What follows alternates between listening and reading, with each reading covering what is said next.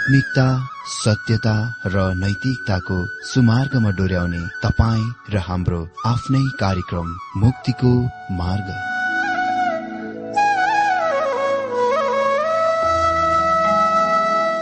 आदरणीय श्रोता यस मुक्तिको मार्ग कार्यक्रममा हार्दिक स्वागत छ। आशा छ यस आत्मिक कार्यक्रमद्वारा जीवनमा आत्मिक आशिष अलौकिक शान्ति र आनन्द प्राप्त गर्नुहुनेछ। र जीवनमा धन्य अनुभव गर्नुहुनेछ। आउनुहोस् श्रोता। मन र आत्माको तयारीको लागि यो मिठो अनि मधुर भजन गीत सुनौ।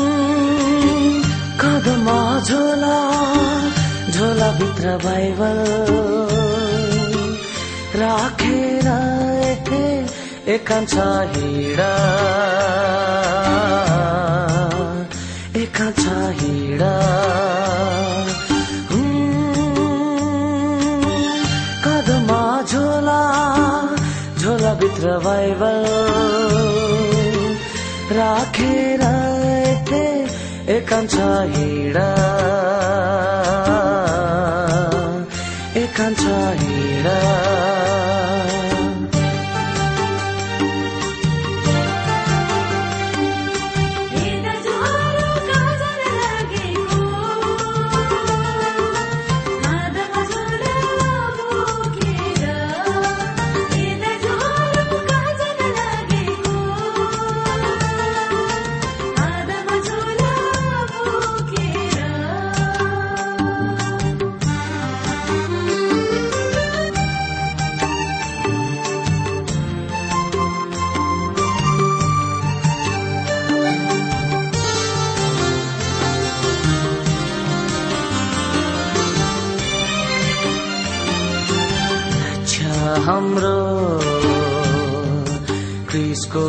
महान ज्ञान।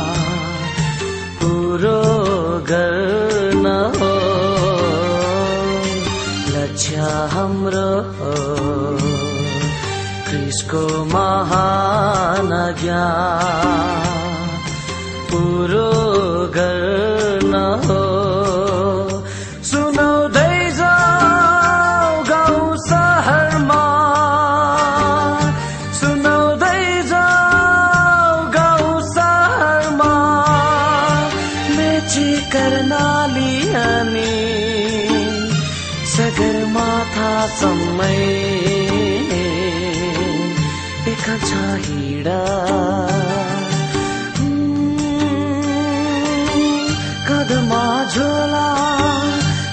भित्र बाइबल।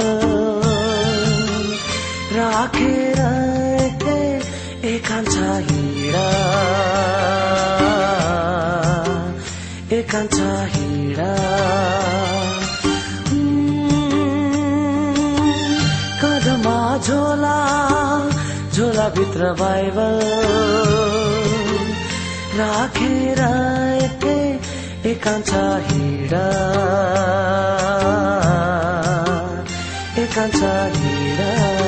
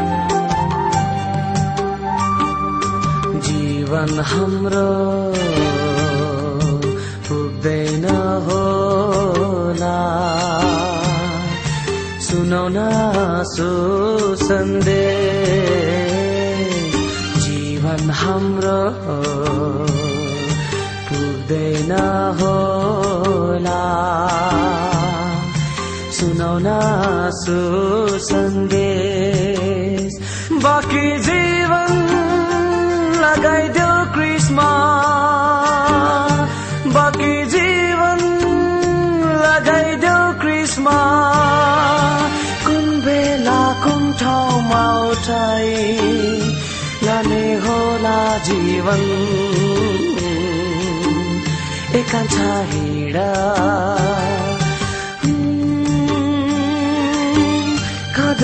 झोला? झोला भित्र बाइबल। राखेर एकांश हिँडा। एकांश हिँडा। कदमा झोला झोला भित्र बाइबल।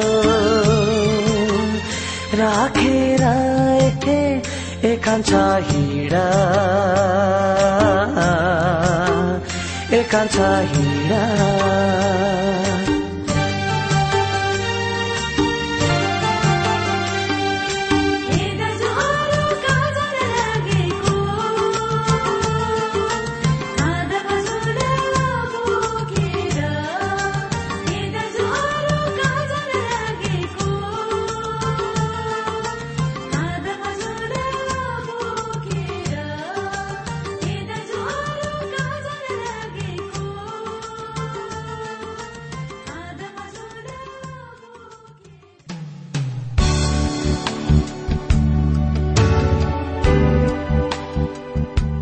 श्रोता यो प्रसारण मार्फत यो अवगत गराउन चाहन्छौ कि प्रभुको सेवाको लागि यहाँहरूको साझेदारी नित्यन्त आवश्यकता छ। यहाँहरूले प्रार्थनाको साथसाथै आर्थिक सहायता गर्न अनुरोध गर्दछौ।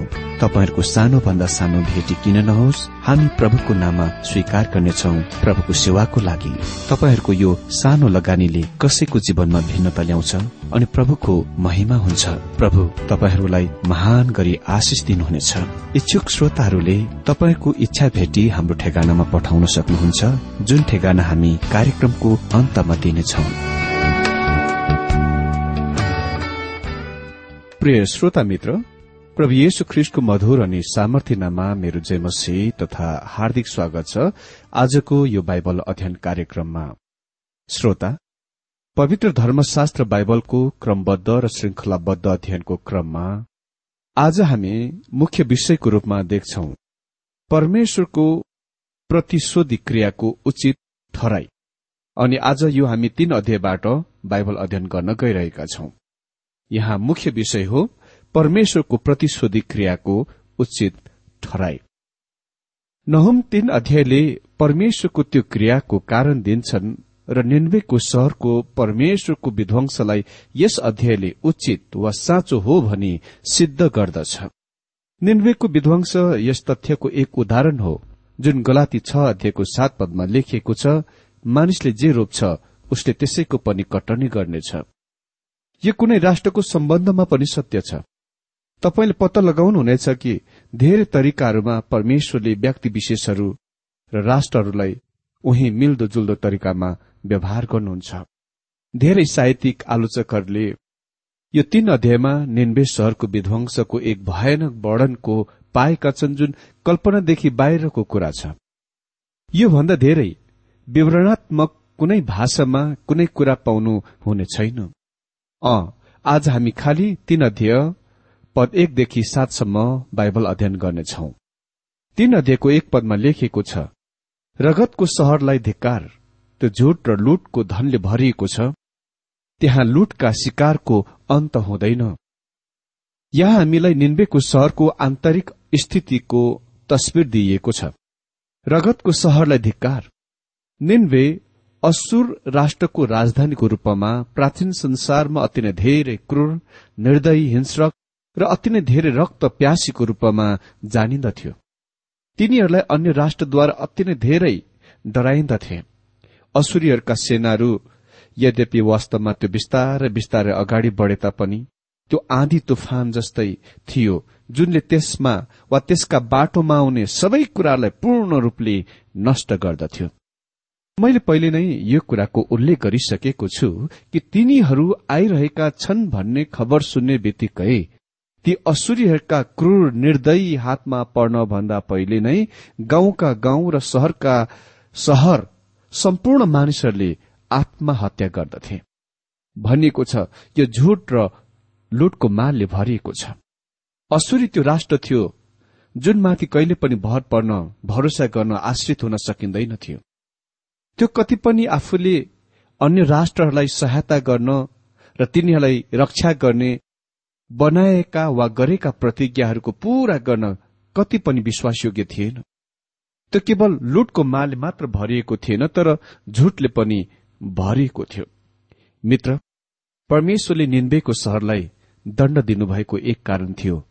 त्यो झुट र डकैतीले लुटले भरिएको थियो। लुटको सामानले भरिएको थियो। यी कुराहरूले सहरका जीवनको चरित्र चित्रण गर्दछ। अरू त के आज हाम्रा गाउँहरू घरहरू कति पनि सुरक्षित छैनन्। त्यहाँ धेरै त्यस्ता स्थानहरू छन् जहाँ हामी राति हुँदो एक्लै बाटोमा हिँड्न सक्दैनौ। हामी जहीँ पनि असुरक्षित छौं। योनाको र नहुमको पुस्तकले यो कुराको प्रकट गर्दछ परमेश्वर अन्य जाति राष्ट्रसँग व्यवहार गर्नुहुन्छ र उहाँले त्यो पूरा नियमको दिनहरूमा पुरानो नियमको दिनहरूमा गर्नुभयो। तिनीहरूले यो पनि देखाउँछ कि परमेश्वरको सरकार मानिसहरूको सरकारहरूमा चाल चल्दछ। परमेश्वरले आज मानिसका पापमाथि हस्तक्षेप गर्नुहुनेछ। परमेश्वरले आज मानिसहरूको पापमाथि हस्तक्षेप गर्नुहुनेछ। उहाँले राष्ट्रमाथि अधिपत्य गर्नुहुनेछ। जब तपाईँ इतिहासमा हेर्नुहुन्छ तपाईँले एकपछि अर्को महान सभ्यताहरू धुलो माटोमा र कंकड विध्वंसमा टुक्रै टुक्रा भएको देख्नुहुन्छ। किन? किनभने परमेश्वरले तिनीहरूलाई दण्ड दिनुभयो। मित्र बस त्यही नै कारण तिनीहरू त्यस विध्वंसको अवस्थामा परे। यो आज कुनै राष्ट्र र कुनै व्यक्ति विशेषलाई अति नै ठूलो सन्देश हुनुपर्छ। दुई पदमा भनिएको छ कोर्राहरूको आवाज पाङ्राहरूको आवाज घोडाहरूका फड्का रथहरूको ठेलम ठेला गर्ने कुदाई। नहुमले यी रथहरूका सुचित्रित विवरण दिन्छन्। तिनीहरू आधुनिक कवचयुक्त ट्याङ्कहरू जस्तै हुन्। तिनीहरू प्राचीन संसारका ट्याङ्कहरू थिए। जब तिनीहरू शहरभित्र आउँथे तपाईँले रथको ड्राइभरले आफ्ना घोडाहरूलाई कोरा लगाइरहेको कोराको आवाज सुन्न सक्नुहुन्थ्यो। तपाईँ रथको पाङ्र चलिरहेको र घोडा दगुरिरहेको घोडाको फड्कोको आवाज सुन्न सक्नुहुन्थ्यो। यो तीन अध्यायका पहिला दुई पदहरूले निन्वेको आन्तरिक अवस्थाको स्थितिको वर्णन गर्दछ। झुट र डकैतीले त्यो शहरको मौसम र संस्कृतिको सभ्यताको चिन्हित गर्दथ्यो संकेत गर्दथ्यो। यही नै कारण तिनीहरूले आफ्ना शत्रुहरूप्रति त्यस प्रकारका व्यवहार गरेथे जस्तै तिनीहरूका क्रूरता अन्य राष्ट्रको लागि तिनीहरूका सम्पूर्ण व्याख्याल व्यवस्था अरू राष्ट्रहरूमाथि तिनीहरूका हुकुमत अधिपत्य तिनीहरूका त्यस प्रकारको विधि तौर तरिकाहरूका लागि खास कारण वा मूल आधार चाहिँ आन्तरिक रूपमा तिनीहरू गलत थिए। त्यहाँ कुनै गडबड कुरा थियो। मित्र मानिस पापी बन्दैन किनभने उसले पाप गर्दछ। उसले पाप गर्छ किनभने ऊ पापी हो। आधारभूत रूपमा भित्री हृदयमा मानिस पापी हो र त्यसले उसको क्रियाहरूको निर्णय गर्दछ विवेचना गर्दछ। मलाई निश्चय छ धेरै मानिसहरूले त्यस दिनमा असुरीहरूको बारेमा भनेथे यी मानिसहरू असभ्य हुन्। शहरभित्र त्यो झुट र डकैतीले भरिएको थियो। हा मित्र यो आन्तरिक पापी मानिसको चरित्र चित्रण गर्ने कुरा हो। मानिस पापीहरू हुन्। उसको स्वभाव पापी छ। र परिणाम स्वरूप उसको सोचाइ व्यवहार र उसको क्रिया पापी र भ्रष्ट छ। तर परमेश्वरले कुनै पनि पापी मानिसलाई नयाँ आत्मा र नयाँ स्वभाव दिन सक्नुहुन्छ। यदि उनी उहाँका फर्कन्छन् र उहाँलाई विश्वास गर्दछन् भने र उसलाई पवित्र आत्माको फलहरूले सुसञ्जित गर्नुहुन्छ जस्तै प्रेम दया नम्रता क्षमा। यो केवल परमेश्वरको आत्माको शक्तिद्वारा मात्र सम्भव छ। जब कुनै उहाँको निमन्त्रणा र उहाँका आफैलाई सुम्पिन्दछ मित्र बस अन्य जाति र परमेश्वरका विश्वासी उहाँका सन्तानहरू बीच खालि यही मात्र अन्तर छ। तीन पदमा लेखिएको छ घोड चढीहरूको हमला झल्कने तरवार र चम्किला भाला मारेकाहरूको रास मुर्दाहरूको ढेर अनगिन्ती लासहरू। लासहरूमा मानिसहरू ठोक्कर खाँदै हिँड्छन्। मृतकहरूको संख्या अविश्वसनीय थिए अनगिन्ती थिए। कसका लासहरू त? असुरका मानिसहरूका लास निन्वेका मानिसहरूका लासहरू। मित्र त्यो त्यस राष्ट्रमाथि परमेश्वरको इन्साफ दण्ड थियो। अनि पद तीन र चारमा हामीसँग त्यो कुरा छ जुनले निन्वेको बाहिरी अवस्था चरित्रको चित्रण गर्दछ। तिनीहरू अति नै क्रूर र निर्दयी शत्रुहरू थिए र अहिले तिनीहरूले त्यो कुराको काटिरहेका थिए जुन तिनीहरूले छरेथे रोपेथे। चार पदमा लेखिएको छ यी सबै एउटी बेस्या टुनामुना गर्ने कि एउटी मालिकनीको निर्लज काम बाँच्नको कारणले हो जसले आफ्नो बेस्यापनद्वारा जाति जातिहरूलाई र आफ्नो टुनामुनाद्वारा मानिसहरूलाई दास बनाउँथे। यी सबै बेस्या टुनामुना गर्ने कि एउटा मालिकनीको निर्लज काम बाँच्नको कारणले हो। निन्वेको शहरलाई यहाँ बेस्याको रूपमा तुलना गरिएको छ। त्यो राष्ट्र थियो जुनसँग सम्पूर्ण राष्ट्रले बेस्यावृत्ति गरे। परमेश्वरले त्यसलाई बेस्याको रूपमा तुलना गर्नुहुन्छ। जसले यस अभ्यासद्वारा सम्पूर्ण राष्ट्रलाई आफ्नो अधिपत्यमा ल्याउँदछ। भनिएको छ यी सब एउटी बेस्या टुनामुना गर्ने कि एउटी मालिकनीको निर्लज काम बाँच्नको कारणले हो जसले आफ्नो बेस्यापनद्वारा जाति जातिहरूलाई र आफ्नो टुनामुनाद्वारा मानिसहरूलाई दास बनाउँथे। टुनामुना यहाँ दुईपल्ट प्रयोग भएको छ। यो चाहिँ जादुको वा रहस्यमय अभ्यासको संकेत गर्दछ। प्राचीन संसारको प्रतिमा पूजा अर्थविहीन बेकारको कुराको रूपमा नसोच्नुहोस्। प्रेरित पावलले प्रतिमालाई भने पहिलो कुरन्ती आठको चार पदमा संसारमा केही पनि र कुनै कुरा होइन तर त्यसको पछाडि शैतान छ। र त्यसको पछाडि शैतान सम्बन्धीका कुरा छ। त्यसकारण हाम्रा मुलुकमा मात्र होइन पश्चिमी मुलुकमा धेरै मानिसहरू यसमा आकर्षित भएका छन् र यसमा मानिसहरू लागिरहेका छन्। त्यहाँ मानिसहरूले पनि धेरै अरू त के ख्रिस्टियनहरूले पनि आफ्नो गृह कुण्डली किन्छन् र त्यसको तिनीहरू पन्छ्याउँछन् फलो गर्छन् अनुसरण गर्छन्। धेरै मानिसहरूले जन्तरहरू शुभ भाग्यका चिन्हहरू जादु टोनाका मन्त्रका पुस्तक साना प्रतिमाहरू त्यस प्रकारका तमाम कुराहरू बोक्छन्। यो भौतिकवादी युग र सभ्यतामा दिन प्रतिदिन बढ़िरहेको छ। अनि बिल्कुलै यस्तै कुरातिर निन्वेको ठूलो स्वर फर्केथ्यो र परमेश्वरले भन्नुहुन्छ त्यसको प्रतिमा पूजा र जादु टुना मुनाको कारण त्यस शहरलाई दण्ड दिने काममा उहाँ उचित न्याय धर्मी हुनुहुन्छ। प्रकाशको पुस्तकले हामीलाई भन्दछ जब हामी यो युगको अन्ततिर आउँछौ संगठित मण्डली चर्च वेश्या बन्नेछ र यस प्रकारको कुरामा लिप्त हुनेछ। म एउटा यस्तो विचार मान्ने व्यक्ति हुँ कि आज पनि हामी त्यस दिशामा हलचल देख्न सक्छौ।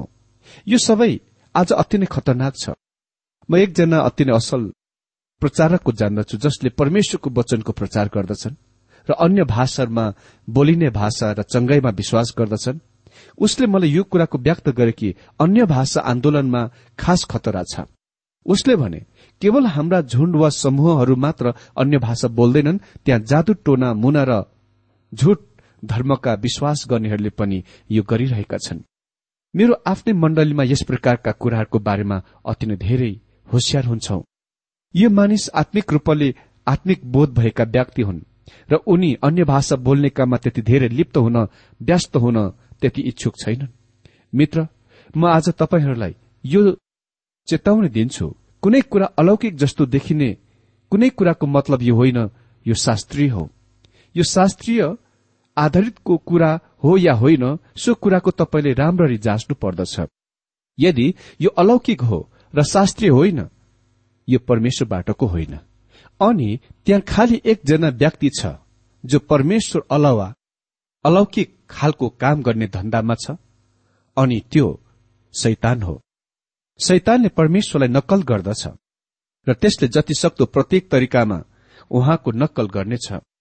परमेश्वरले हामीलाई कारण दिइरहनु भएको छ कि? किन परमेश्वरले निन्वेलाई दण्ड दिनुभयो? उहाँले यस शहरलाई नष्ट गर्ने काममा उचित र सही सिद्ध गरी रहनु भएको छ। अहिले उहाँ यो अति नै उल्लेखनीय रूपमा उल्लेखनीय कथन बनाउनुहुन्छ। पाँच पदमा सर्वशक्तिमान परमप्रभु घोषणा गर्नुहुन्छ हेर म तेरो विरूद्धमा छु। तेरो मुखसम्म तेरा फरियाहरू उचाल्नेछु जाति जातिहरूलाई म तेरो नाङ्गोपना र राज्यहरूलाई तेरो शर्म देखाउनेछु सर्वशक्तिमान परमप्रभु घोषणा गर्नुहुन्छ हेर म तेरो विरूद्धमा छु। यो दोस्रो पल्ट हो कि परमेश्वरले यो कुरा निन्वेलाई भन्नुभयो। उहाँले यही कुरा गोग र मागोगलाई इजिकेल अडतिस र उन्तालिसमा भन्नुभयो हामी विश्वास गर्दछौ कि यसले रुसको संकेत गर्दछ। जब म बाइबल स्कूलबाट ग्रेजुएट भए मैले विश्वास गरिन कि इजिकेल अडतिस र उन्तालिसले रुसको संकेत गर्दथ्यो। त्यसकारण मैले यसको बारेमा आफ्नै अध्ययन गर्ने निर्णय गरे र अहिले मसँग धेरै कारणहरू छन् कि किन म यस कुरामा विश्वस्त छु। यो रुस हो जुन यहाँ उल्लेख गरिएको छ। रुस त्यो राष्ट्र हो जुन इजिकेलको दिनमा अस्तित्वमा पनि थिएन। तर परमेश्वरले तिनीहरूलाई भन्नुभयो म तेरो विरूद्धमा छु। हामी जान्दछौ कि किन उहाँले त्यसो भन्नुभयो? तिनीहरू नास्तिक राष्ट्र हुन्। अनि आज पनि त्यहाँ अधिकांश नास्तिकहरू छन्। असुर त्यो राष्ट्र थियो जसलाई परमेश्वरले भन्नुभयो म तेरो विरूद्धमा छु। यस कारणले होइन किनभने तिनीहरू नास्तिक थिए तर किनभने तिनीहरू बहुदेव देवताहरूमा आस्था राख्नेहरू थिए। असुरीहरूले आफैलाई प्रतिमा पूजामा समर्पित गरेका थिए। अनि प्रतिमाको पछाडि रहस्य धर्म जादु टोना अनि मुनाहरू छ। जादु टोना मुना आज वास्तविक बनेको छ। मानिसहरूले पत्ता लगाइरहेका छन् कि त्यो वास्तविकता हो। आज हाम्रो मुलुकमा त के? पश्चिमेली मुलुकमा हजारौं भाग्य बताउनेहरू ग्रह कुण्डलीहरूतिर फर्किरहेका छन् जसले मानिसहरूका भविष्यको बताउन कोशिश गर्दछन्। मानिसहरू भविष्यको जान्न चाहन्छन्।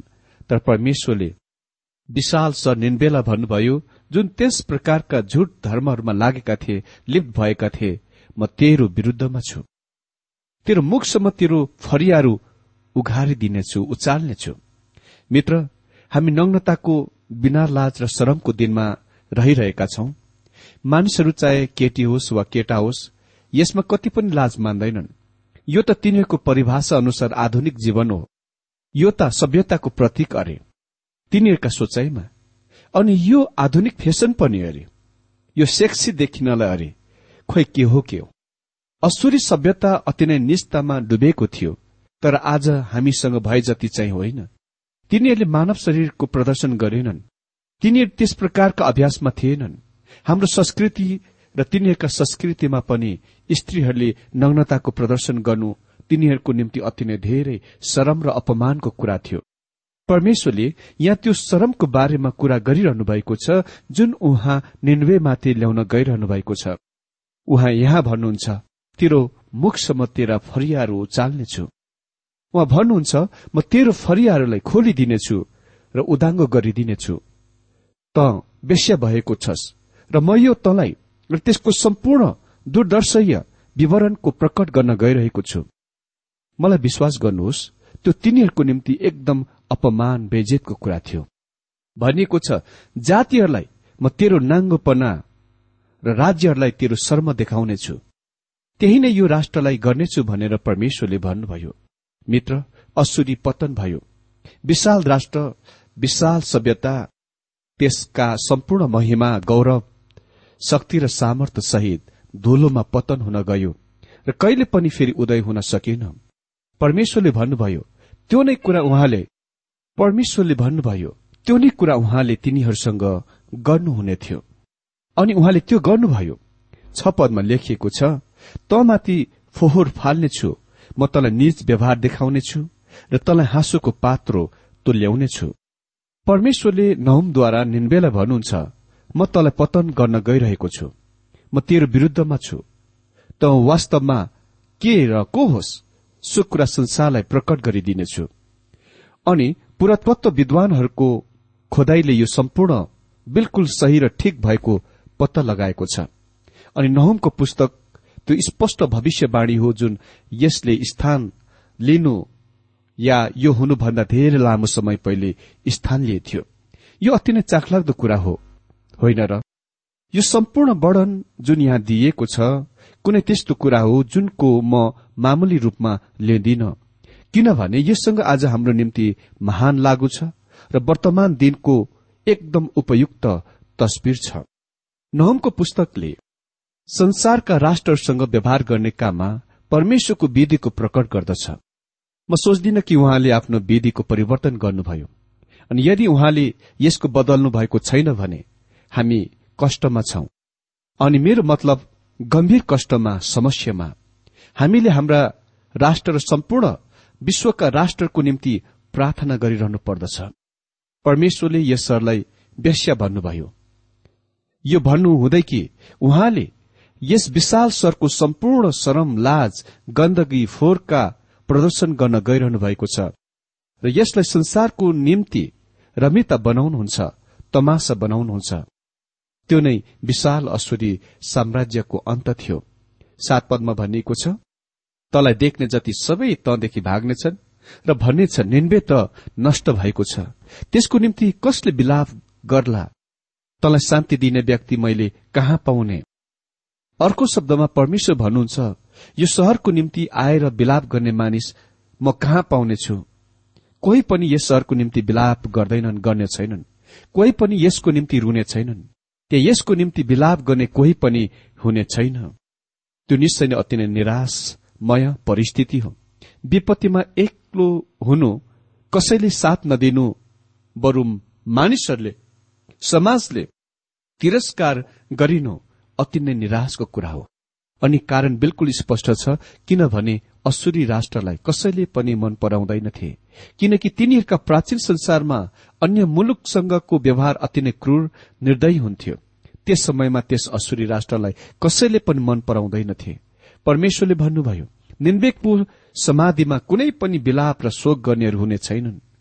नहुमले भविष्यवाणी गरे कि सम्पूर्ण संसार त्यस दिनमा रमाउनेछ अनि तिनीहरू रमाए पनि। जब परमेश्वरले यो नहमद्वारा भन्नुभयो कसैले पनि यसलाई तबसम्म विश्वास गर्ने थिएनन् जबसम्म उसले परमेश्वरलाई विश्वास गरेको हुँदैनथ्यो र यसको विश्वासद्वारा ग्रहण गरेको हुँदैनथ्यो तर यो बिल्कुल उही तरिकामा पूरा हुन आयो जस्तो कि त्यही नै हुनेछ भनी परमेश्वरले नहमद्वारा भन्नुभएको थियो।